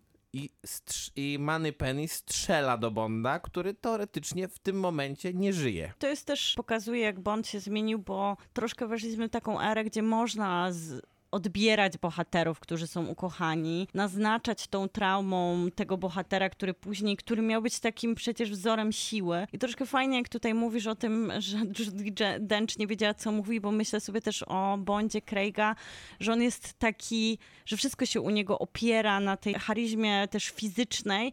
On przecież praktycznie nic nie mówi. I tutaj Daniel Craig udowadnia, że jest świetnym aktorem, bo nie chodzi o to, że on jest wysportowany i potrafi świetnie biegać i naprawdę się nauczył walczyć, ale też chodzi o to, że on wypowiada praktycznie To nie jest szarmancki nie, Bond, on prawie który nic podaje, nie mówi, to są jakieś takie chrząknięcia drinki, i nie? pojedyncze zdania, a potrafi na twarzy wygrać bardzo wiele emocji, bo on naprawdę tworzy swojego bohatera takiego bardzo emocjonalnego, który Mhm. ciągle pod, tym, pod tymi mięśniami tak naprawdę się ciągle z czymś szarpie, bo właśnie tu go zawodzi Dużo ukochana. też, żeby nie było. Dużo, dużo, dlatego może się tak zamaskować. E, Najpierw go zawodzi ukochana, później go właśnie zawodzi jego przełożona, którą on traktuje Tak. jako matkę. Później musi wrócić do swojej przeszłości, która jest taka bolesna. Właśnie ten arcywróg ciągle tak naprawdę wysyła mu ciągle jakichś przeciwników, nie dając mu momentu spokoju. I to była I w końcu ciekawa... Craig pokazuje, że jest tym zmęczony. I w Skyfall to była też bardzo ryzykowna i ciekawa decyzja, żeby się pożegnać jednak Mhm. z M, odtwarzanej przez Judy Dench. I bardzo dobra decyzja e, zastąpienia jej przez Ralpha Fiennesa, który Super. Idealnie po prostu wygląda i jest wpasowany w tę postać. Myślę, że Ray Fiennes uwielbia nosić te garnitury i wypowiadać I te... się mądrzyć. I się mądrzyć I i, się i mądrzyć. rozkazy e, Dokładnie. rzucać we wszystkich kierunkach. Nie, ale ten casting w ogóle już pod koniec jest fantastyczny, bo Tak. Q przecież jest, e, Ben Whishaw dodaje temu takiego trochę gra siebie. oddechu, ale, ale super się balansują z Bondem. Właśnie Money Penny jest wspaniała. To wszystko się tu zgadza tak naprawdę. No i dochodzimy do tej dziewczyny Bonda, która się pojawia właśnie w... Pojawia się w Spectre. Spectre. E, Tam e, po raz pierwszy widzimy mm, Madeleine Swan. Tam też widzimy co prawda Monikę Bellucci, która wydaje mi się być e, absolutnie niewykorzystanym potencjałem, jeśli chodzi o Bonda. No ale tamten Bond to też była taka seria niewykorzystanych potencjałów, bo co by nie powiedzieć o Christophie Walcu, który często gra tę samą rolę i gra tą samą manierą. No to ciężko było wymyślić lepiej, lepiej dopasowanego aktora do, mm, do Blofelda, a tutaj naprawdę to nie wyszło, bo, No nie e, wyszło. bo wszystko było takie lazy, to był taki lazy casting, lazy scenariusz i może to i dobrze, że e, sam Mendes zakończył swoją współpracę z Bondem, bo Kary Georgie Fukunaga to się okazała być nowa Tutaj też jest historia związana z tym właśnie Bondem, że ta kontuzja, która później się przeniosła na najnowszy film, już się pojawiła właśnie Spektra, kiedy Daniel Craig złamał nogę i to tak poważnie, że 9 miesięcy powinien mieć rehabilitacji, a jednak się zdecydowali mu zrobić taką sztuczną, taką Mm, protezę, która mu pozwalała się poruszać, Mm. a dlaczego na przykład ta scena otwierająca miała być zupełnie inna? I wydaje mi się, że to też pokrzyżowało wiele planów, zmieniło tempo, narrację, trzeba było niektóre sceny zmienić i to mogło wprowadzić spory chaos scenariuszowo-realizacyjny. O tym oni dopiero teraz mówią, jak ten film tak naprawdę finansowo się udał i po latach, jak go teraz widziałam, to miałam dużo gorsze o nim wspomnienia. On jednak się w wielu momentach broni. Może A, też dlatego, w sensie. tak, może też dlatego, że zaczyna się mm, budować te trzy filmy teraz, ja, ja tak oceniam trochę, bo trudno Quantum of Solace, ono zrobiło taką przerwę. Te trzy filmy się nieźle układają razem w taką bardzo spójną opowieść. Nie wiem, czy wcześniej Bond miał coś takiego do Nie, zaoferowania. nie, to jest też właśnie, to, było, to jest najważniejsza, albo jedna z najważniejszych nowych jakości, które wprowadził Daniel Craig, że te filmy wynikają z siebie. To są jednak sequele, sequeli, sequeli, a nie filmy, które po prostu Antologie można takie byłoby... Tra- nawet ja bym, ja bym je traktował, szczególnie w przypadku Rogera Mura, to bardziej to bym traktował jako takie procedurale przedłużone. Świetnie. Em, a tutaj, e, tutaj mamy po prostu naprawdę pięć filmów, e, które się składają na Spójną pięcio opowieść. Długofilmową serię, której rzeczywiście ci sami bohaterowie się przewijają, te same historie są w backgroundzie często, bo tutaj przecież też ten Mr. White w pierwszych dwóch filmach fizycznie, potem w następnych trzech w różnych opowieściach też się pojawia gdzieś w historiach, więc, więc tego jest dużo. I to też dzięki temu trochę nadaje sens czemuś, co w Bondzie nigdy nie było traktowane poważnie, bo wydaje mi się, że wcześniej poza kobietami, które nie były traktowane poważnie, to tak naprawdę ta fabuła była dosyć Suzuki. ta fabuła była dosyć obojętna w, Tak. filmom. W sensie trzeba było pokazać agenta, akcję, nie, parę nagich kobiet. Koncentracja na fabule, na postaciach. Opowieść, tak. I nawet Nie jakieś motywacje mniej lub, mniejsze lub większe. No wyłączając, myślę, Lucifera Sy- Safrona. Safiana? Sifro- Safiana? Safina? Safina? Safina. Y, ale to za sekundę, bo tak. przechodzimy do powoli do recenzji No Time to Die.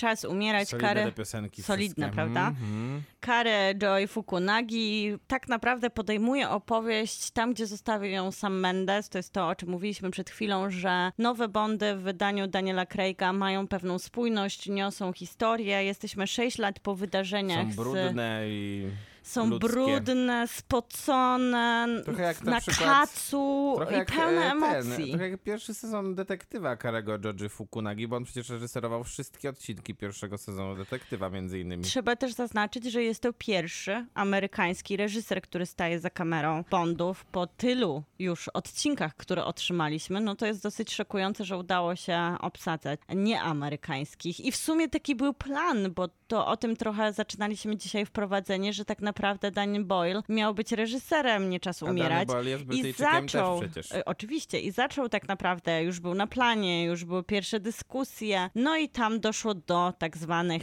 starć między Urban producen- legend. producentami. Nie, ja nie mówię... Utrzymujmy, ja, że to chodzi o Tomasza Kota. to jest Dobrze, najważniejsze. Ale jednak doszło do jakichś starć producencko-reżyserskich, a jak wiemy, producenci wykonawczy, zwłaszcza tacy jak Barbara Broccoli, mają po prostu wpływ na film, często dużo większy niż reżyserzy czy ktokolwiek inny. She's więc... one powerful Tak, woman. tutaj się nie dogadano i wtedy Kary Fukunagi się pojawił. Kare Fukunaga się pojawił, dołączyła też do obsady scenariuszowej już pod koniec e, Phoebe Waller-Bridge, czyli oczywiście twórczyni Fleabag. I Obsesji Eve, myślę, że tu też. Też. to dobrze zabrzmi, bo tam jest du- dużo takich wątków, jak z Obsesji A Eve. historia generalnie jest taka, że Bond nie jest już agentem 007. To jest istotna rzecz, którą wiemy od początku Tak, właściwie. to nie żaden spoiler. Od początku właściwie, jak zaczął być komunikowany ten film. Nie wiedzieliśmy, co to oznacza. Teraz już po tym filmie wiemy, co to oznacza. Że Bond na początku przynajmniej współpracuje z CIA i jakby zaczyna działać troszeczkę, troszeczkę jakby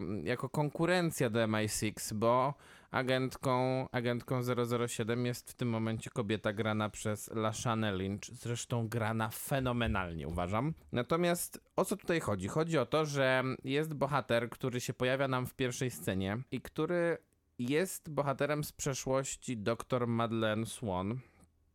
Ale nie, to tak nie opowiadajmy. Nie opowiadajmy. Nie, bo trochę Mamy- zepsujemy frajdę. Dobrze, to, to mamy, mamy, ogólnie mamy znak, jak w każdym bądź sytuację, w której jakiś wariat chce zniszczyć o, świat, ale świetnie. przy okazji nie wiadomo, czy będzie chciał ten świat zniszczyć samemu, więc może sprzeda tę broń Rosjanom, a może sprzeda ją Chińczykom, a może sprzeda komukolwiek. Myślę, że Więc świetną... generalnie Brytyjczycy muszą wszystkim, wszystkich uratować, Uratować cały świat. świat. i dlatego wysyłają Bonda, wysyłają agentkę 007, wysyłają Royal Navy i wszystko ma być uratowane. Jest to taka świetna scena, która myślę, że to opisuje idealnie, jak właśnie nowy M, no już nie nowy, bo to już druga Trzy. jego odsłona, Trzy. trzecia w sumie, tak. Ralph Fiennes stoi z Danielem Craigiem, Jamesem Bondem, czyli M przełożony Jamesa, stoją i rozmawiają, on mówi, co to jest za człowiek, co to jest za przeciwnik, co to jest za villa. On mówi, no tak jak zawsze, chce zniszczyć świat i w sumie nie wiadomo o co pieniądze. mu chodzi. I oni się z tego śmieją, tak trochę jak śmieją się wszyscy widzowie wszystkich Bondów, bo tak naprawdę mówiliśmy o tym w kontekście naszego w robocie, że bardzo rzadko zdarza się, żeby jakiś Bond miał realne motywacje, żeby był jakoś zbudowany i zwykle to nie wypada najlepiej, jak oni w... To są takie stoją i mówią te... tak, wileni To są wilini fantastyczni z jakiej, takiej komiksowej Komiksu. opowieści i naprawdę bardzo rzadko dobrze wypada, kiedy jest ten moment, kiedy oni tłumaczą swoje motywacje, bo zawsze jest taki moment, kiedy kamera patrzy na naszego wilana i on mówi, ja postanowiłem teraz zniszczyć świat, bo No i tak. wymienia zwykle jakieś Rza- mdłe rza- rzadko motywacje. się zdarza jednak taki wylen jak Thanos w Avengersach, Tak. który ma rzeczywiście jakieś tam realne motywacje dla swojego działania. Tutaj, a tutaj jeszcze Ale czy to cię dodatko- zaskoczyło? Bo mnie to w żaden Nie, sposób nie nie zabolało zaskoczyło i wydawało to. mi się to wręcz takim oddaniem hołdu, hołd, Bardziej posmutniałem z tego powodu, że jednak tego Wilyna w ostatnim filmie z Danielem Craigiem gra Rami Malek, który nie jest po prostu aktorem, który by nawet taką dosyć prostą rolę był w stanie udźwignąć. I to jest bardzo, to jest prawdopodobnie największy problem No Time to Die, bo poza tym, że mamy tę całą historię związaną z tym Wilynem, z mm, zniszczeniem świata, wymordowaniem ludzi, no to mamy tutaj po prostu serię pożegnań. I te pożegnania według mnie są wręcz rozczulająco zrobione.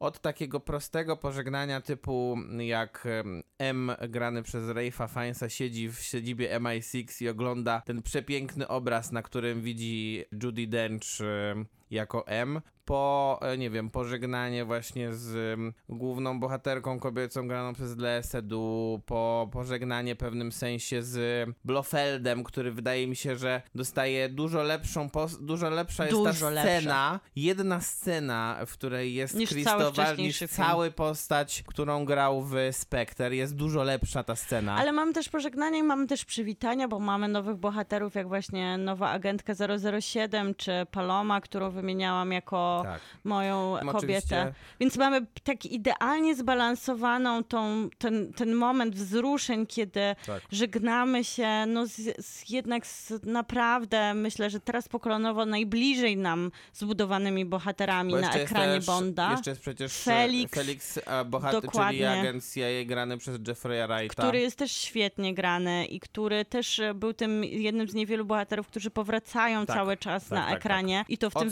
Skyfall. bardzo długo Yy, tego samego e, aktora. Tak. Więc jest mnóstwo pożegnań i jest mnóstwo przywitań. Wydaje mi się też, że Kary Fukunaga tak się ucieszył, że robi Bonda, że też postanowił tam przepleść mnóstwo jakichś odwołań dla fanostwa. Wszędzie są jakieś sceny, które sugerują wcześniejsze sceny z Bonda, jakby z całej spuścizny bondowskiej. Ja na przykład nie jestem znawczynią Bonda i zupełnie jakby te mrugnięcia okiem mnie pominęły, ale z drugiej strony teraz miło mi o nich czytać i widzieć, ile tam było włożone w to pracy. No i czasami wydaje się, że aż za dużo chciałby tam umieścić, ale ja nie miałam takiego momentu przeciążenia. Właśnie jedyne to ten Rami Malek, który patrzy na z komiksu i po prostu wydaje mi się nie do końca pasować do narracji bondowskiej, która już uciekła od tej fantastyczności byłych Bondów. Tak, i Mamy tu bardzo dużo już po prostu ludzkich prawd, taka, takiego świetnego kina, które daje nam idealną ilość akcji i obyczajowych elementów. Tak, i uciekła też od tego, e, za co mam wrażenie No Time to Die bez sensu niestety krytykuje się mocno, bo krytykuje się na przykład za to, że w tym filmie nie ma gadżetów bondowskich. To nie wiem, czy ktoś, e, nie wiem, czy ktoś się obudził nagle ze snu pod kamieniem, e, bo e, od 15 lat nie ma tych gadżetów bondowskich, bo w żadnym filmie z Danielem Craigiem nie było takiej klasycznej bondowskiej sceny, w której on pojawia się w jakimś pokoju, w którym jest Q i mu opowiadał, że tutaj z tego będziesz mógł tak strzelać, a ten samochód to po prostu ma wbudowany pocisk jądrowy i będziesz mógł wysadzić pół świata. No ale ma nie było takich samochód. scen. A nie było, Nie oczywiście. Było takich scen w żadnym filmie z Danielem Craigiem i to jest kontynu... A tu ty- tylko te, tylko te, mm, tylko te gadżety były tak wprowadzane mimochodem Mhm. po prostu. Tutaj się pojawiał ten Q na chwilę, to mu zostawiał tutaj, nie wiem, jakieś spinki, jakiś Zegarek. zegarek, jakiś... No, w pierwszej scenie tutaj jest ten samochód, który ma te karabiny wbudowane. Wszystko się, moim zdaniem, się wszystko zgadza, wszystko jest No nie wiem, co kontynuacją to jest za tego... krytyka w Nie, no to jest jakaś krytyka chyba e, powracania do starych Bondów, bo już od lat nie mamy tego elementu i No wydaje mi się, że wy- to Może wrócimy co do nie tego, czas- żeby wyrzucić do kosmosu. Bez sensu uważam. Właśnie, wylecieć w kosmos. Ja myślę, że nie czas umierać, robi coś, co robi genialnie, czyli tak, serwuje wszystko to, co w Bondach musi być, czyli jest Tak. akcja, są te bajery, jest No właśnie... szczególnie ta jest, sekwencja jest, początkowa we Włoszech jest wyśmienita. Jest też nie do końca poważny przeciwnik, który też się wpisuje w spuściznę. Wszystkie jakby te też napięcia pomiędzy M a Bondem są. Wszystkie te takie trochę machlojki na bokach pomiędzy jego drużyną a tym, co jest systemem też się zgadza. A z drugiej strony ten film genialnie ucieka wszystkiemu, co jest pułapką Bonda i daje nam zupełnie nową jakość. Jest co najważniejsze też i tego po prostu nie możemy stracać, ale jest niesamowicie zaskakujący i to w taki najlepszy, błyskotliwy sposób. On po prostu sprawił, że ja się zupełnie nie spodziewałam pewnych rozwiązań Mhm. i byłam zachwycona jak dziecko. I są bardzo one ryzykowne. E, Bardzo dlatego, odważne, ja bym to Dlatego, nazwała. że można było bardzo się na nich przejechać, na tych rozwiązaniach, które zaproponowano i uważam, że emocjonalnie zostały one wygrane super. Super. A pozostają, pozostawiając to, co już powiedziałaś, z czym się zgadzam, ja filmu bondowskiego, może poza Skyfall, tak pięknie nakręconego też nie widziałem. To jest taka robota. Linus Sandgren, czyli operator, który współpracuje z Damienem Chazelem, między innymi przy Oscarowym La La Landzie albo przy Pierwszym przy człowieku. pierwszym człowieku. No zrobił tutaj robotę taką, że po prostu klękajcie narody. A jeszcze w dodatku em, zaskakująco dobrą robotę zrobił Hans Zimmer, który wykorzystał całkiem dużo dobrze, całkiem dobrze motywy bondowskie. Dołożył do tego swoją taką klasyczną muzykę akcji. No i ten soundtrack też świetnie wypada, więc w, No i tym, mamy w tym filmie jakby- jest strasznie dużo takich rzeczy, które, Które się zgadzają. które, które, których kipi jakością, w Mhm. sensie, bo do tego są jeszcze te wstawki scenariuszowo-dialogowe, które na pewno pisała Phoebe Waller-Bridge, bo jest tam tak dużo takiego fajnego, ciętego humoru, który... Którego, który też Daniel Craig ogrywa po prostu Ale nie tylko Craig, bo ogrywa właśnie z, mm, z Moneypenny. Sedu nawet z e, Sedu, tutaj z, mają... mm, z Q, nawet z tym, z tym M, co wspomniałaś, tą Mhm. scenę, więc, więc wszędzie ten humor istnieje. Jak, nie- Ale jak, nie narzucający ale się wtedy, i kiedy, a plus wtedy, kiedy nie trzeba, żeby ten humor Mhm. był, bo na przykład jak są sceny, niektóre sceny nawet z tym Wilynem są nie najgorsze, gdyby, gdyby to, gdyby nie to, że końców, w końcówce ten wilen się rozpada, bo na przykład jest bardzo dobra scena, w której Rami Malek rozmawia z mm, e, Madeleine Swan i jest to scena, w której jest tyle napięcia, że no myślę, że każdy twórca thrillera byłby zadowolony, że coś takiego udało się zrobić, tylko i wyłącznie poprzez spojrzenia i krótki dialog, który jest między bohaterami, więc, mm, więc naprawdę jest tu super dużo jakości, dobrze ob- No i dobra jakość- obsada, Dokładnie i też jakości, bo ona się zaczyna od samego początku, scena otwarcia, która nie jest za długa, ale jest po prostu napakowana tak wielkim napięciem, ale też rozmachem. scena, właściwie dwie rozmachem. otwarcia, można powiedzieć. Później mam też wspaniałą czołówkę, która jest naprawdę Mhm. jedną z moich ulubionych e, czołówek chyba Bonda. Mhm. Jeszcze w IMAXie na dużym ekranie ona jest po prostu zaczarowała mnie zupełnie. I też ta akcja na prawie trzygodzinny film, to jest godzina, Mhm. 2 godziny 43 minuty, ona nigdy nie jest e, zbyt nużąca, ona nigdy nie ma takiego... Jan Matuszyński em, mógłby się uczyć. tak, i, on, i finały na przykład Marveli, które zawsze do, jednak dociorają mnie pod koniec i trwają troszkę za dużo i za bardzo się chwalą A CGI. poza tym są w A CGI-u. tutaj po prostu je widzę faktycznie zdolności fizyczne Craiga i ja wierzę w tą akcję. Ona mnie zupełnie wciąga, a później dostaję w balansie dużo emocji które w końcu zaczęły działać też właśnie z perspektywy aktorskiej, relacji takiej większej chemii między Leon Seydoux a Danielem Craigiem. Więc dostajemy oddech emocjonalny. Później wie, pojawia się taka błyskotliwa komedia, która jest, wynika bardziej z pewnych sytuacji niż z rzucanych nam sucharów w twarz. Tak, tu się wszystko zgadza, aż dochodzimy do grand finale nie rzuca sucharów. Mm. grand finale, który ja nigdy nie myślałam, że będę się wzruszać na bądzie. No. Naprawdę, to, to, tego, to, to jest ostatnie, co mogłabym oczekiwać od tej serii. I nagle no, tutaj zupełnie mnie zaskoczyli. Czy to jest moment na To naszą jest ocenę? tak, i rozumiem, że ty wystawiasz 10 na 10. Nie wystawiam 9 na 10. 9. Ja wystawiam 8, ale to jest takie bardzo 8, blisko 9. W sensie ten Rami Malek trochę mi zepsuł sens. Trochę, bo wszystko inne mi się zgadzało i uważam, że. A poza tym uważam, że strasznie dużo krytyki zostało wylanej na ten film zupełnie niezasłużenie i myślę, że to będzie jednak uznawane za jeden z najlepszych filmów bondowskich. I na pewno uważam, że Daniel Craig na właśnie takie, takie zakończenie swojej kariery Tak, jako James. Bond zasłużył. To jest najpiękniejsze docenienie jego roli i Bo tej zmiany, jest którą wprowadził. ostat- On uratował Bonda. Ostatnie zdanie. On jest fenomenalnym aktorem Fenomenalny. i fenomenalnie tu gra.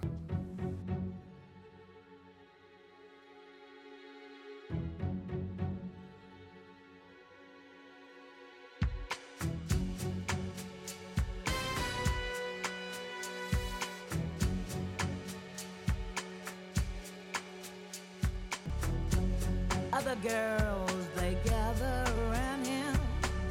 If I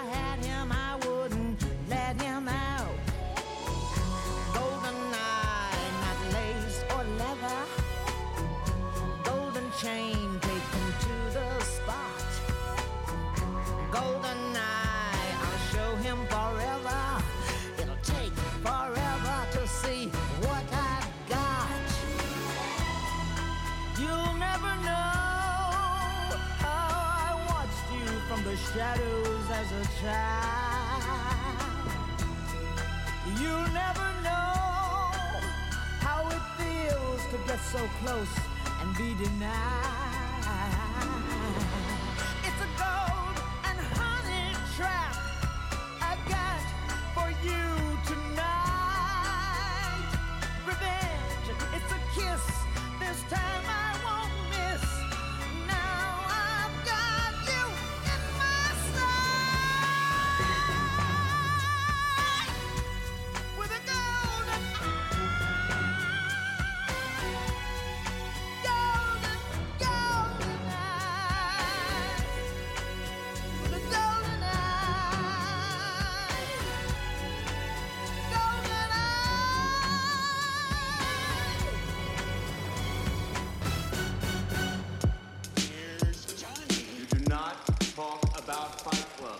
Kinotok. Film.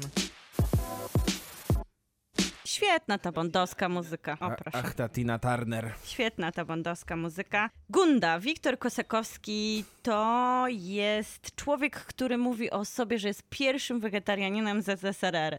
I to brzmi, jakby miał przygotować film Manifest. I Ale tak troszkę zrobił. właśnie nie.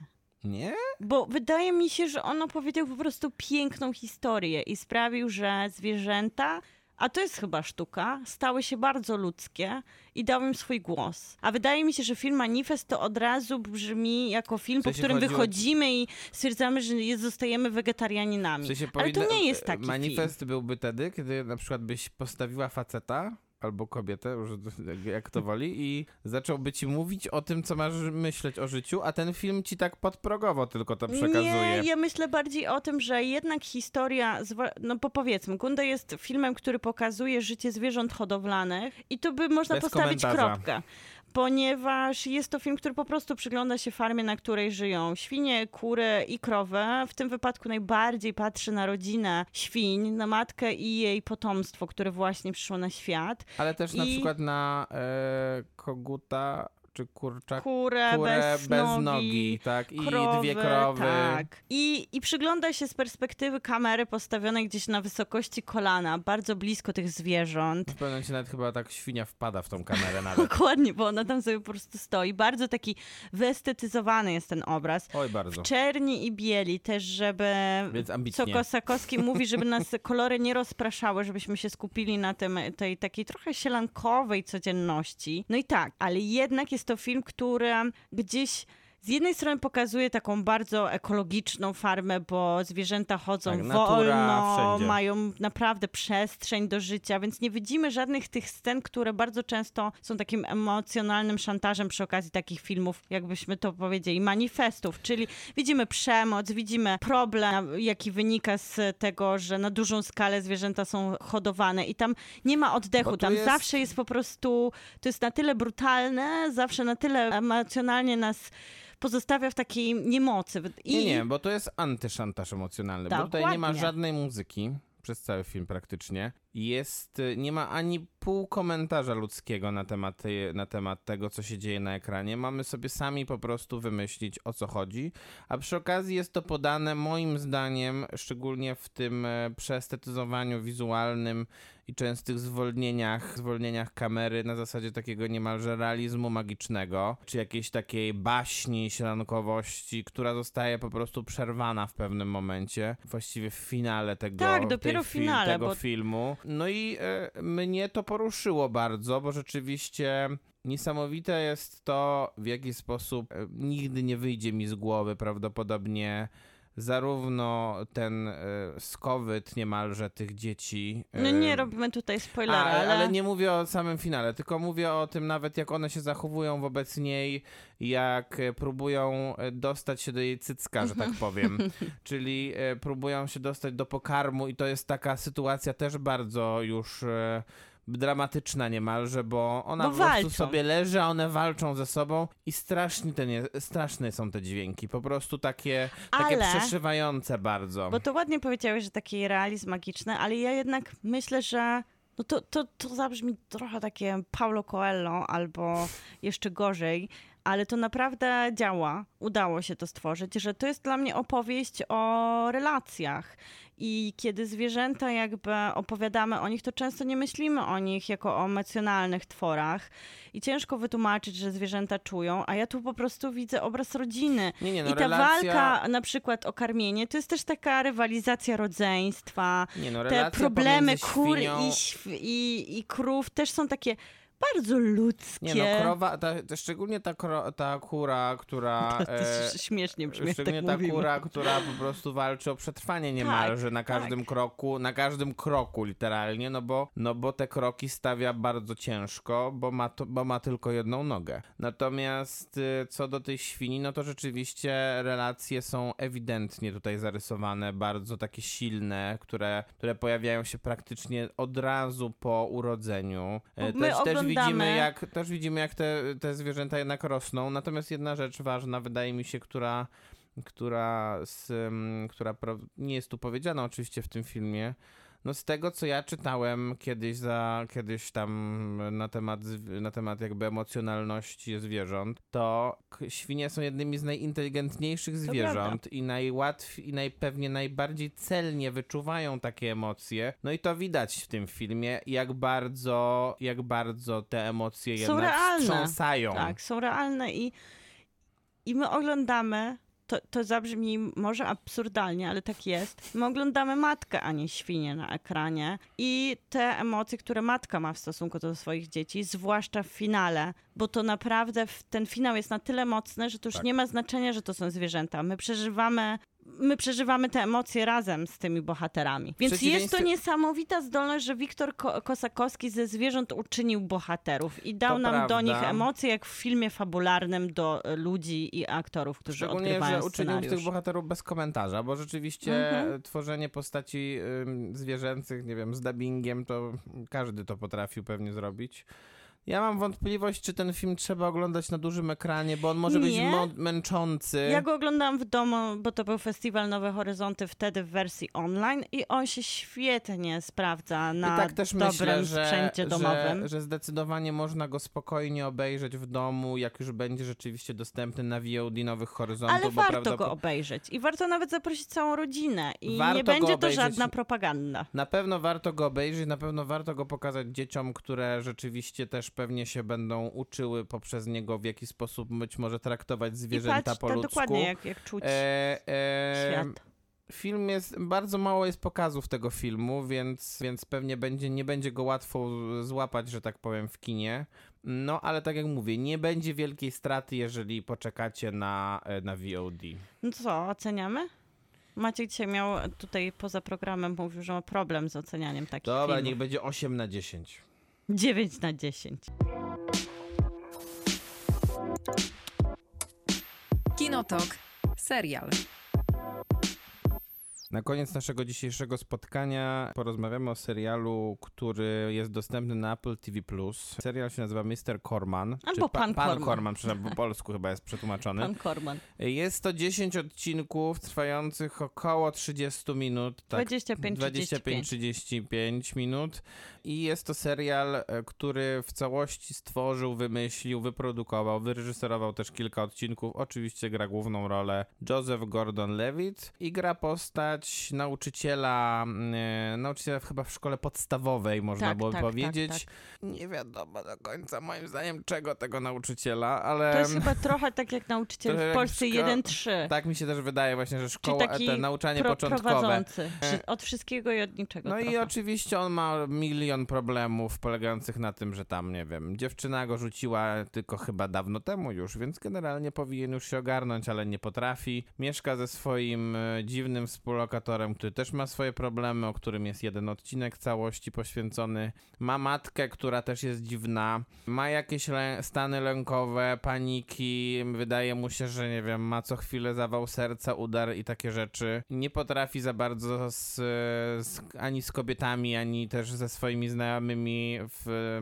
solidnie spędzać czasu. My oglądamy po prostu I mężczyznę oglądamy w mężczyznę kryzysie przegranego. 30-latka, który sobie uświadamia, że jednak nie ma tego życia, które chciał. I No wie, tak. że jeżeli nie zmieni go Jest teraz, to będzie dla niego za późno. Tak, więc on jakby trochę wspomina to, że chciałby tą muzykę robić, ale wie, że to było takie trudne dla niego. Później potrzebował stabilizacji, ale ta stabilizacja wcale nie przyniosła mu oczekiwanych skutków. Ogólnie jest w bardzo złym punkcie w swoim życiu i dostaje ze względu na to różnego rodzaju stanów załamania psychicznego. Warto tu też wspomnieć, to że to punkt... jest Mhm. że to jest serial zrobiony też przez A24, czyli wytwórnię, no wydaje mi się taką bardzo, Bardzo jakościową. jakościową. Mhm. Jeżeli chodzi o kino niezależne w Stanach Zjednoczonych, ale też już w tym momencie takie kino mainstreamowe, niezależne w, Tak. na świecie.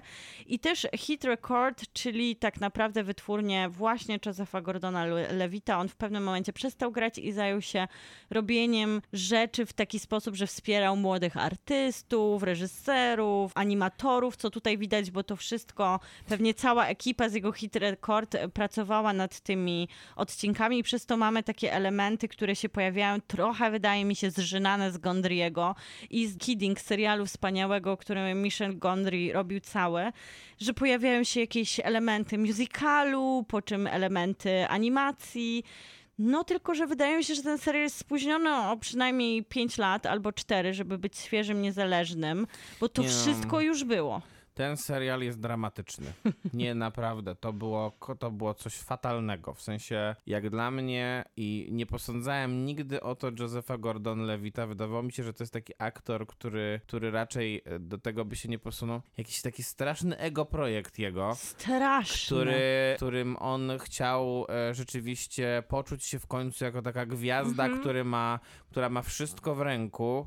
No i nic mu się z tej ręce nie utrzymało. Ten- Po prostu wszystko mu nagle wypadło.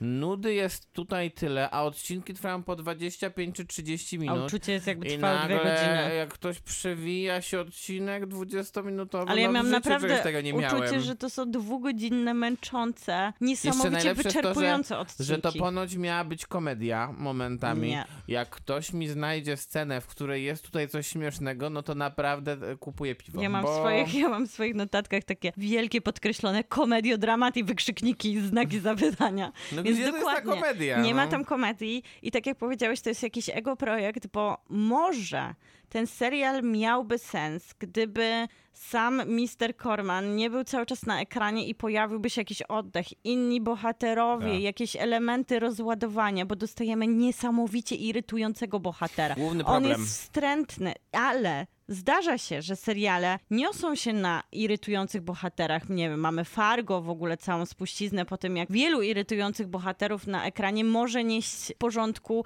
napisany scenariusz, ale jeżeli to jest jedyny bohater, przez żadnych rozładowań i tylko po prostu widzimy jego, a te postacie w tle po prostu przewijają się One się Mamy przewijają. super aktorów. Mamy. Juno Temple, która jest świetną aktorką, właśnie takiego kina niezależnego.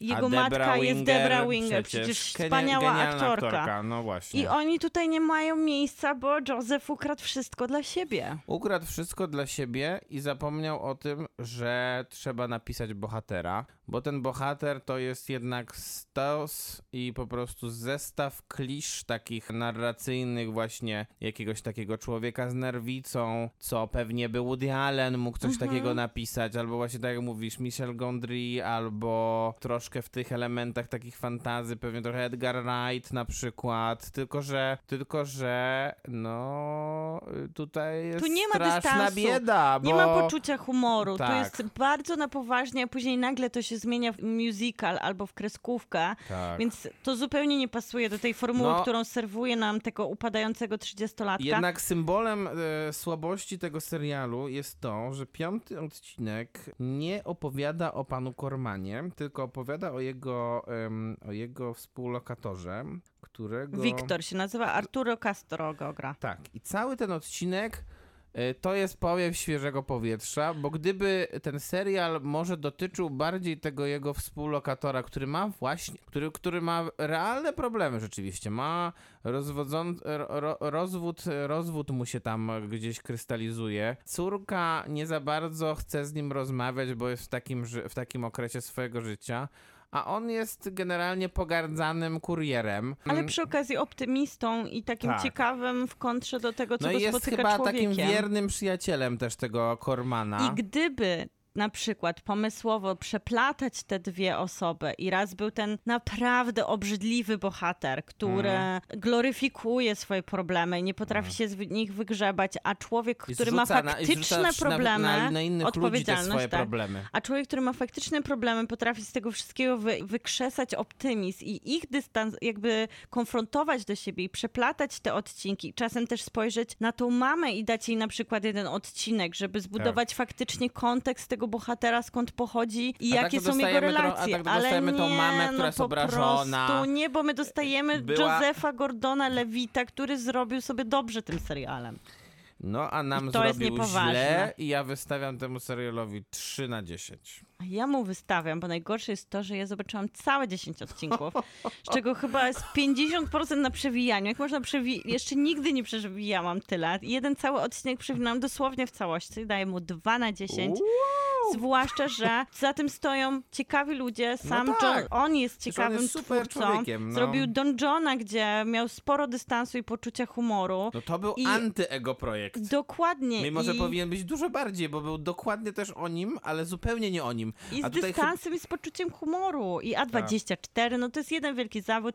I w sumie Apple TV no fatalnie, bardzo dobrze fatalnie. decyzję podjęliście, że nie kontynuujecie tego projektu dalej. No dramat, dramat.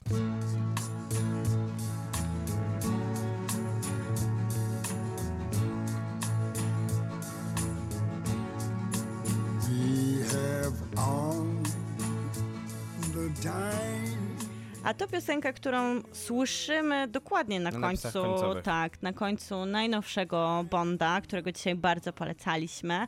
I polecamy się na przyszłość, zawsze w poniedziałek i co wtorek podcast, więc jeżeli chcielibyście nadrobić jakieś tematy, albo tak się świetnie słuchało, że chcecie, żeby inni też nas A wiadomo, posłuchali, że świetnie słuchało. to na wszystkich platformach można odnaleźć kolejny odcinek i wszystkie wcześniejsze odcinki W Kino przyszłym Podcast. tygodniu wraca Krzysztof. Tak. W przyszłym tygodniu Wojciech Smarzowski i Wesele. Po raz drugi w jego karierze. Dokładnie. A za dzisiejszy program dziękuję Miłosława Bożek. I Maciej Stasierski.